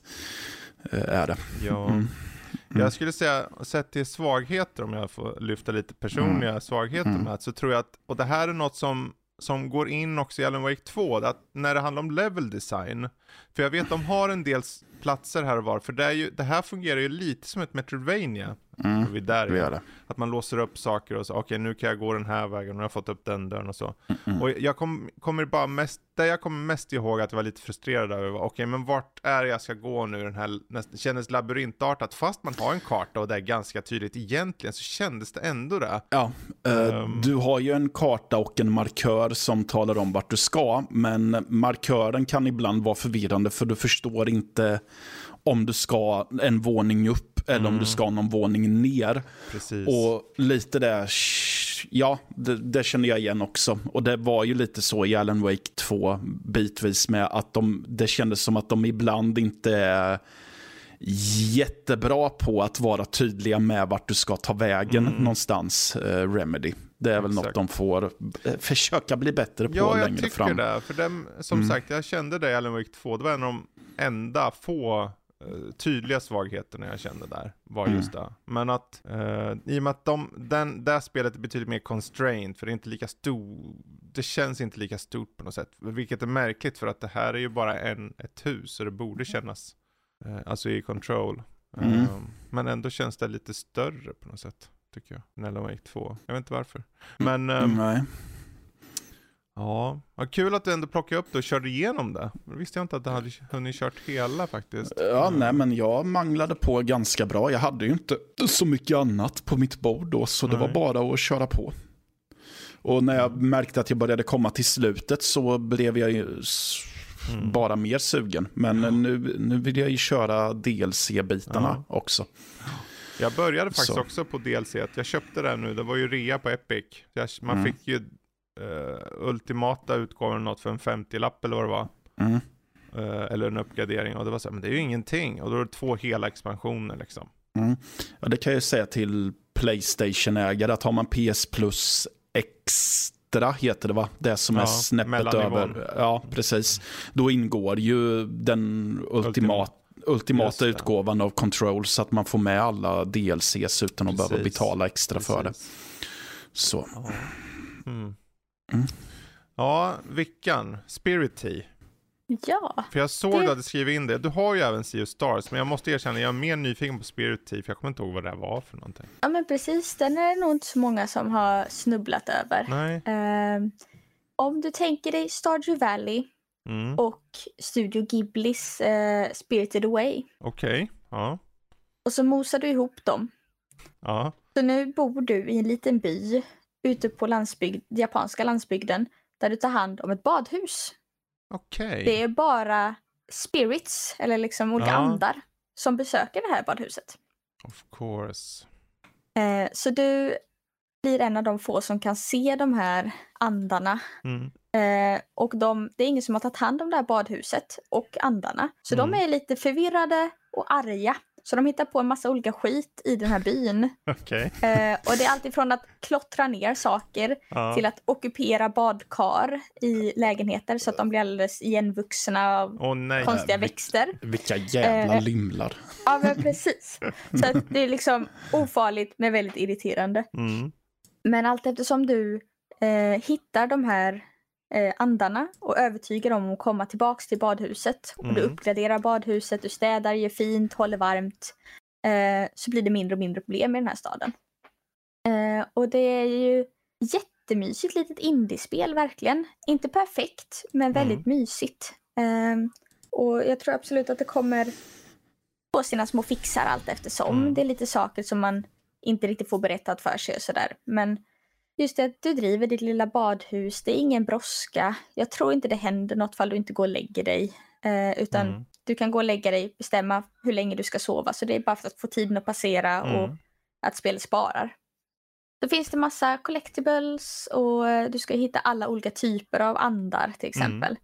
Det finns små shrines du läs, låser upp lite här och var runt omkring i byn. Och det finns jättemånga NPC-karaktärer. Ja, eh, jag, jag kom på det nu när jag för jag kände igen titeln, jag har ju sett det någonstans. Ja, det nästan... finns ju på eh, Game Pass. Precis, det finns ju på Game Pass. Så är det. Eh, och på alla konsoler. Eh, så det är liksom vad man föredrar. Eh, jag tror att det funkar lika bra på switchen som på mm. PC. Eh, har inte hört några konstigheter där, men jag har framförallt spelat på datorn, både med mm. handkontroll och med tangentbord. Och det... Kör du på Game Pass ja. då, eller kör du på? Ja, på Game Pass. Ja. Uh, har jag börjat nu i alla fall. Ja, Sen är jag lite sugen på, det rea på switchen just nu. Och det är ett sånt där spel mm. som är mm. perfekt att ha med sig när man är iväg eller sitter på soffan eller sådär. Just det. Ja, uh, för rent grafiskt så, så har det ju, jag kan ju förstå att det funkar på alla plattformar, för de har den här klassiska retro-pixelerade looken liksom. Precis. Nej, så det är jättemysigt litet spel och jag tror att det, det var många som såg fram emot det men sen har det lite fallit mellan stolarna. Mm. Um, jag vet inte, det kommer ju väldigt många härliga farming sims. Ja, så vill du inte ha farm sims Precis. så är det det här. Liksom. Ja. Här är det ingen odling utan här tar du hand om ditt badhus. Mm. Liksom Men kan man uppgradera i badhus och grejer och så? Eller? Ja, då kan du öppna nya bad så ja. du får flera pooler. Jag har inte hunnit riktigt så långt än. Eh, så jag tror det har någon form av sammankoppling med, eh, med vissa shrines. Mm. Men det är också att du måste givetvis betala för det och det är rätt saftiga summor. Eh, mm. Så det är ändå rätt så tydliga steg att du måste samla på ordentligt innan du mm. kan öppna en ny flygel och eh, köpa nya uppgraderingar. Är det, är den här typen, för det, du täcker ju många av, du har ju täckt många sådana här uh, farming sims och sånt.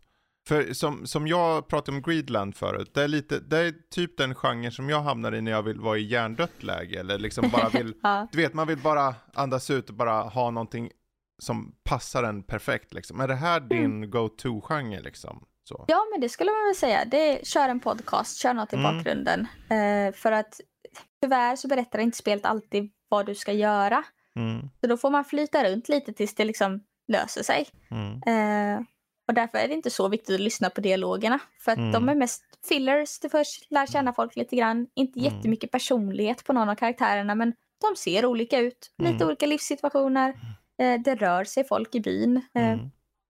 Så att eh, detta är lite trevligt skillnad från Farm Sims, alla som liksom ramlade in mm. förra året. Eh, kostar typ ingenting om man nu inte har Game Pass. Jag tror det är 200 kronor eller något. Mm. Eh, Precis. Sådär lite lagom. Exakt. Ja, för det ska ju vara runt, uh, om du kör berättelsen bara så är det runt 30 timmar, 32 mm. timmar. Och vill du köra uh, typ allt så är det runt 50, 51 timmar. Så det, det, finns mycket spel i det att hämta där, för så 200 spänn är ju inte någonting. Liksom. Så. Nej, och som sagt det kommer nog vara på rea lite för jämnan. Mm. Så att då blir det ju ännu en slant billigare. Liksom. Mm. Nej, så det är jättemysigt. Uh, jättelätt mm. att komma in i om man känner för att bara mm. köra upp det på Game Pass lite ja, kort. Tror inte det finns någon demo, men nu är jag osäker. Alltså på, Nej, det på Steam eller så. finns inte på inte Steam det. i alla fall. Men, uh... uh, tidigare fanns den, men det var nog innan launch. Ja, precis. kanske kommer tillbaka. Men, för jag, har, jag tog upp den nu på, på Game Pass-appen här på datorn. Jag, jag ska nog ta ner den faktiskt. För jag, eh, jag vill testa något lite mer laid back bygga eller eh, ta hand om spel. Så, ja, för här behöver du inte heller vara sådär äckligt kreativ som man måste vara i en del spel som inte förlitar sig på, på farms, farming. Ja, utan ja. du kan bara flyta med. Eh, givetvis tycker jag ju om när man kan vara mm. eh, kreativ men ibland vill man bara flyta med. Mm. Ja, ja, nice. Bra, för, bra att du tog upp den. Jag tror det, så här efter den här intensiva höst, spelhösten, så jag, mm. jag tror det många behöver den här typen av avkopplande spel, eller vad man nu finner avkopplande. Ja, uh, för det man... kan ju också kännas väldigt tomt för en del. Uh, ja. Mm, lite beroende ja. på, jag är inte sådär skjuta zombies. Uh, Nej, precis. Så det är ju som du säger vilken genre man lutar sig mot mm. när man behöver slappna av. Ja. ja. Ja, det, den genren som är min go-to i det är ju spännande nog ändå man inte stänger av hjärnan allt för mycket. Mm. Eftersom att det är då jag verkligen eh, går in i en bubbla av att nu spelar jag bara mina eh, äventyrsspel. Ja. Alltså mina gamla peka-klicka-spel och så. Um. Ja, det, det där är intressant tycker jag med tanke på att det handlar lite om hur man är som person kanske i den mån att om jag, för, för mig så här, jag nu gissar jag bara, och dina vägnar Matte, men om du har mycket tankar om, om dig och kring dig så är det skönt att kunna fokusera dem. Det är precis så. så. det är att och, eh, det blir, eskapismen blir ja, så mycket tydligare. Precis, och i ditt uh, fall så är det just den typen av sak som, åh oh, vad skönt, jag kan liksom mm. eh, rikta det här. Ja. För min del så här, jag har också tankarna går om liksom överallt, upp och ner och det är mycket åtaganden hela tiden. Och då gillar jag att ha något som är utan åtaganden och bara se någonting dö. Gärna top-down eller liksom Tower Defense, det är därför Tower Defense-spel är sköna för mig, för att då man placerar ut ett par saker och sen sätter jag mig och läser en tidning och ser på när, när det börjar välla in saker och bara automatiskt dö. Mm. För att det sköter det jag har byggt mm. upp och sen så tar jag och bygger upp lite till och så läser jag lite till eller lyssnar på podd. Så att det, eh, det är just den här, vi har, det, vi, det finns olika skäl till varför vi kopplar ur hjärnan eller kopplar på hjärnan. Men eh, slutmålet är egentligen detsamma, att må bra. Liksom. Så mm. det, ja, nice. Ja, nice.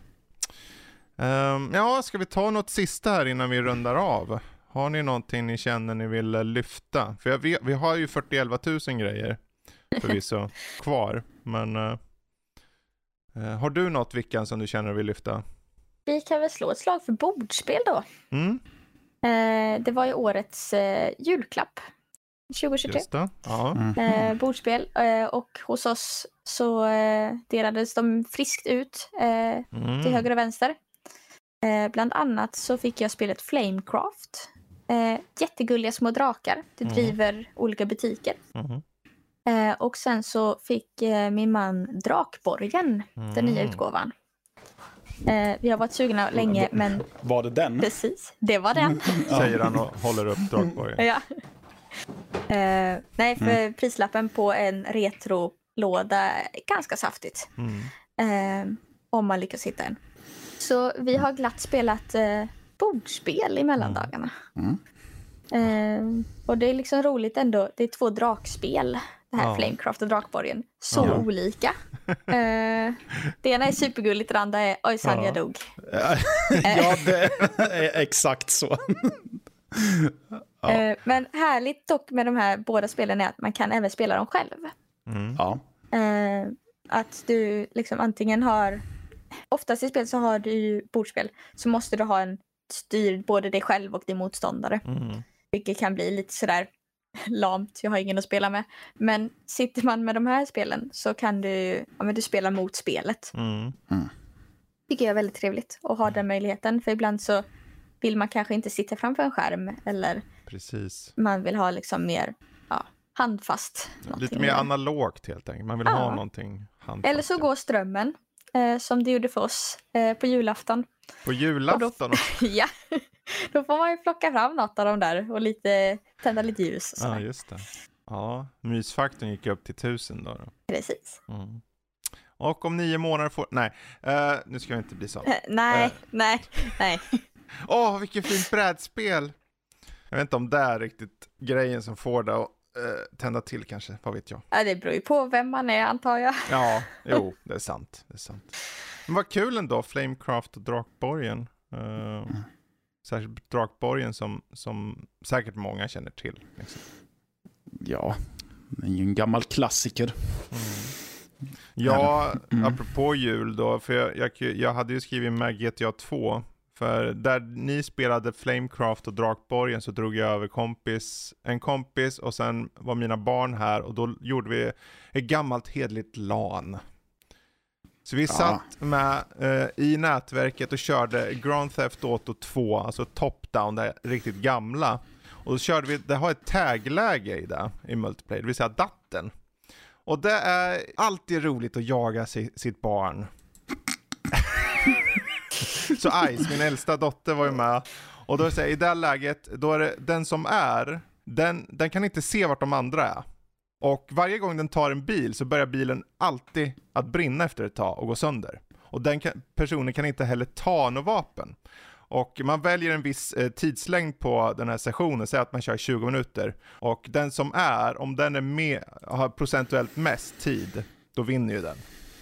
Så att Medan de andra då som jagar personen, de får både pil på var exakt den personen är och kan plocka upp alla vapen och allting. Så att eh, man jagar och jagar och jagar och just den här adrenalinkicken eller så när man ser sin dotter på vägen där borta och man bara kör som en galning och precis innan jag tror att jag får henne genom att sladda över henne så hoppar hon över bilen och jag missar henne och sen kommer min kompis och kör över, kör över henne istället. Jag bara nej!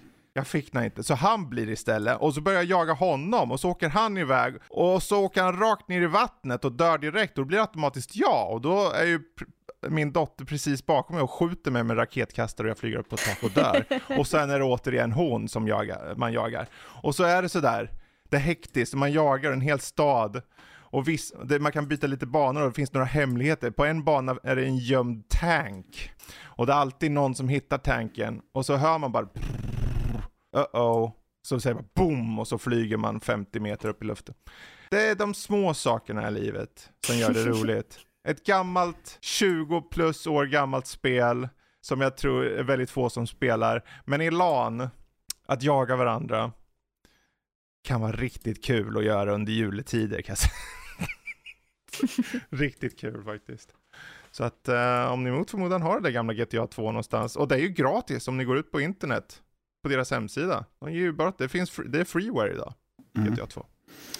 Så att, eh, en liten uh, tips. Ja, jag har det, men eh, jag har inte kört det läget. Jag tror att Nej. vi försökte köra det online, alltså mm. inte LAN, utan helt online. Och då vet jag tror inte att vi riktigt fick det att funka då. Nej, det går inte riktigt. Nej. Jag tror man måste vara i LAN mm. faktiskt, mm. i lokalt nätverk. Mm. Uh, förmodligen på grund av begränsningar i, i och med hur gammalt det är och så. Ja. Men en vacker dag, för jag kommer ihåg i, förr så körde jag med ett gäng vänner och då var man ju, så att man körde det där läget man var 5-6 pers och folk kör runt som galningar. Det kan vara ganska kul men också stressigt. Um, om man, en aning. Ja, det är fem personer som jagar en konstant och skjuter som galningar efter en och man undviker det med hårsmån hela tiden och vinner i alla fall. Då, då, då är det ganska kul. Um, Bra. Hade, ville du ta upp något angående Sovereign Syndicate förresten? Eller den här In the Land of Saints and Sinners? Matte? Ja, jag vet inte vilken av dem som kittlar mest egentligen. Um, In the Land of Saints and Sinners är ju en film med Liam Neeson. Utspelar sig, det är väl på 70 80-talet ja, tror jag. Det vill säga när det var väpnad konflikt mellan Irland och eh, England. Mm. Lite så. så det, den utspelar sig när uh, the IRA, som de kallar sig för, håller på och mm. härjar. Och så får vi då följa Liam Neeson som spelar Finbar Murphy. Han är en, uh, han verkar vara en helt vanlig snubbe som bor ute i den irländska landsbygden. Men det visar sig att han jobbar ju som lönnmördare. Mm -hmm. Han får ett kontrakt av en snubbe och så tar han med sig det är inte ett ont, alltså han kidnappar eh, sitt offer, kör ut honom till en glänta där han, eh, tving, där han får offret att gräva en grop. Och sen så skjuter han dem med hagelbrakan och eh, odlar ett träd mm, över vart han har skjutit dem sen efter att han har begravt dem igen. Många träd där. Ja, men då när vi eh, träffar honom och när han har skjutit eh, en snubbe så börjar han tänka om och börjar fundera på att han vill nog inte vara med längre. Mm. Ja, utan han vill börja ägna sig åt att ja, men jag ska nog börja odla lite växter och så hemma istället. Vara en eh, vanlig gubbe helt enkelt. Mm. Ja, men då får, får han reda på att en eh, liten flicka eh, som bor i byn blir eh, illa behandlad av en, eh, av en kille som egentligen inte bor i eh, samma hem, men han är på något sätt besläktad till mm. eh, hennes familj. Eh, så han bestämmer sig för att ja, men, den här snubben måste ju dö.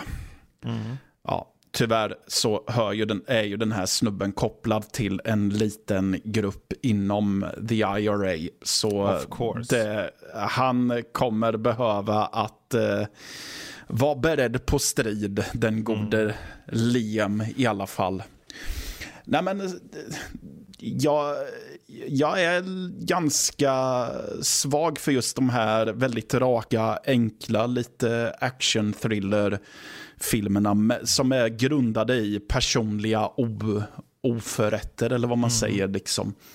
Och att det, det, det, är lite den här, just här så kommer jag på mig själv med den här frustrationen att okej, okay, ja, men bara för att du påstår att du slåss för friheten för eh, irländare så betyder mm. det att eh, du får bete dig lite hur fan du vill för det är de som ska visa dig respekt. Mm. För att du, du spränger ju restauranger i Belfast och så för irländarnas bästa det är väl skitsamma om någon irländare råkar illa ut. Mm. För det, det, är ju for, for, the greater good så att säga. Uh, så, nej men... Uh, och också lite det här hur du... Uh, sen är det ju den här gamla klassiska att när du är inne i den undre världen och gör jobb där så är det ju... Verkar det ju vara mer eller mindre omöjligt att ta sig ut utan uh, att det blir tråkigheter och mm. det verkar vara omöjligt att lägga det bakom sig helt enkelt. Det är ett klassiskt upplägg. Det är ett klassiskt upplägg, ja. men eh, jag tycker att filmen är som sagt, det är ju inte något häpnadsväckande mm. rent eh, storymässigt. Men jag känner att det behövde inte vara det heller. Det vet vad den vill berätta. Mm. Uh, och jag tycker att den är väldigt välspelad. Uh, så det är ju flera kända ansikten, men de kommer jag inte ihåg namnen på mm. riktigt. Men jag tycker att Liam Neeson passar väldigt bra här. Uh, så det har, och eh, alla andra skådespelare som är med också. Så ja, det är en film värd att se, definitivt, mm. tycker jag. Ja, mm. Vad hette den? Den hette In the Land of Saints and Sinners. Ja, Jajamän. Mm. Ja, jag tog ju faktiskt och kollade en film nu innan vi började spela in. För jag, var, jag har varit sugen att se någonting, jag ville se något lättsamt. Och jag tycker det är så svårt att hitta den typen av lättsamma filmer just nu i alla fall. Men mm. jag såg att, jag, att det var möjligt att se uh, Wonka, den här senaste uh, musikal fantasyfilmen då, från Paul King, han som gjorde Paddington-filmerna. Om någon har sett det. De, uh, och det är ju en ganska, det är ju en slags origin story typ. Uh, en nystart för uh, Willy Wonka, det vill säga Kalle Chokladfabriken-berättelsen då. Eh, där du får följa Willy Wonka när han kommer till den här staden och han eh, vill helt enkelt eh, öppna en, en chokladbutik, typ så. Chokladmakeri, eh, eller vad man nu kallar det. Sen att eh, den här staden styrs av tre chokladbutiker mer eller mindre. Som har en, eh, ett racket ihop liksom. eh, som en maffia nästan, gör det hela lite problematiskt för honom, kan man väl säga.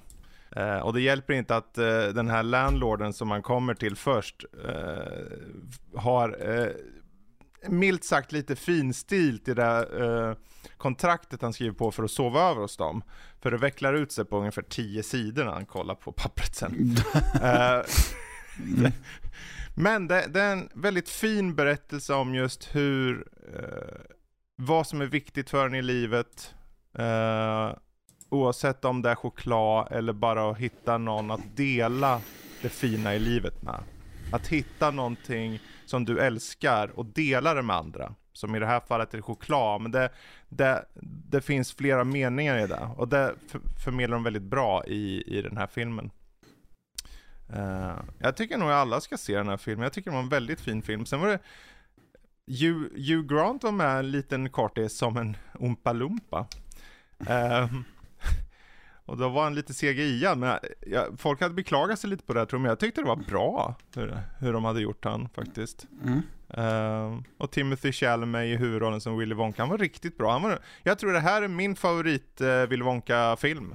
Mm. Punkt faktiskt. Uh, den med Johnny Depp kan jag skippa och jag tycker inte så mycket om originalet med Gene Wilder. Även om Gene Wilder i sig tycker jag om, men filmen är jag inte så mycket för. Um, så titta på Wonka vet jag. Mm. Bra.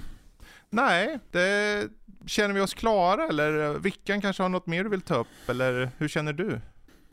Ja, jag kan väl tipsa lite snabbt ja. om eh, den här eh, Akuma-kun ja, för all på eh, Netflix. Lite Precis. mer anime. Mm. Eh, det finns, jag har faktiskt inte läst dem, men Akuma-kun är en eh, väldigt välkänd karaktär i Japan. Mm. Som är, den ser ut som en barnmanga men är väldigt mörk och rå. Mm. Fast komisk. Eh, det okay. är en... Man får följa huvudpersonen som kallas för Akuma-kun. Alltså eh, Akuma är demon. Mm. Eh, med prefix, eller ja, med, med kun efter då. Mm. Eh, och han kan magi och ska slåss mot demoner. Eh, och har en, en sorts byrå dit folk kommer för att få hjälp. Mm. Hans medhjälpare vill ta alla jobb för de har svårt att betala hyran. Medan Akuma Kun tycker att nej, väldigt speciell sådär. Bryr sig bara om sitt, översmart. Mm. Eh, en person var tiotusende år är så smart som han är. Eh, okay. Det är liksom på den nivån vi är. Eh, och här blir vi då inslängda i massa konstiga möten med olika eh, demoner som kopplas till olika känslor, mm. till olika händelser och varje avsnitt får, får man liksom följa ja, men olika små uppdrag, lite sådär mm. Sherlock Holmes-aktigt. Med en bakomliggande berättelse då om Akuma-kun själv. Mm. Eh, för han har ju blivit eh, övergiven av både människor och demoner. Mm, intressant. Ja, och så sakteliga då får vi reda på den här eh, bakomliggande berättelsen. Mm. Och jag har inte hunnit riktigt alla tolv avsnitten än, men på Netflix. Mm. Men jag tror nog att det kommer mer. Jag tror inte vi kommer få alla svaren. Mm. Så trevlig men inte lika eh, lättsint som mm. Delicious in Dungeon. Mm. Utan lite mer eh, funderande. Det ligger mycket mer bakom än vad man kanske första blicken eh, ger en. Mm. Så bra tips eh, för den som vill ha lite retroinspirerad ändå måste jag ändå säga. Mm. Eh, anime. Akuma-kun. Ja, eh, det är så mycket förslag här. Jag, jag har redan skrivit upp uh, Delicious in Dungeon och Akuma-kun nu då. Så att, uh, men det är skönt att de är på Netflix ändå. Liksom. Så att inte är något så här, mm. ja precis, att man inte bara, oh, nu måste jag hitta någon annat sätt att nå eller Crunchyroll eller något som jag inte har. Ja. Det är rätt trevligt att mer och mer faktiskt eh, kommer in på även svenska mm. Netflix då. Jag har hört att den japanska Netflix har ju av förklarliga skäl mycket mer anime mm. än vad mm. vi har. Eh, men att även vi får den. är Precis. Ja, ja men då så. Då tar vi nog och rundar där sett till uh, allt som vi har spelat och sett och allt vad det heter. Och, uh, uppenbarligen så har det ju varit ett stort uppehåll. Det har säkert kommit in mail och sånt. Men det, vi, uh, vi tar och kollar på det nästa gång. Jag tror inte vi har tid för det riktigt nu. Men är det så att ni vill nå oss igen så kan ni ju antingen hoppa in på vår Discord och det gör ni på hemsidan. Bara tryck på connect-knappen där på höger sida. Eller skicka ett mail på info.nordlivpodcast.se och berättar vad ni tycker och tänker eller om det är någonting ni inte håller med om. Eh, det gör ni som ni vill eh, och vi väljer om vi vill läsa upp det. ja, vi... det, det får vi se. Det, det blir som det blir. Men eh, stort tack till Vickan som var med och Matte och eh, det var ett kärt återseende att se er igen och det var gött att vara tillbaka i eten. Mm. Så hörs vi igen om en vecka. Hej då allihopa! Hej då. Hej då.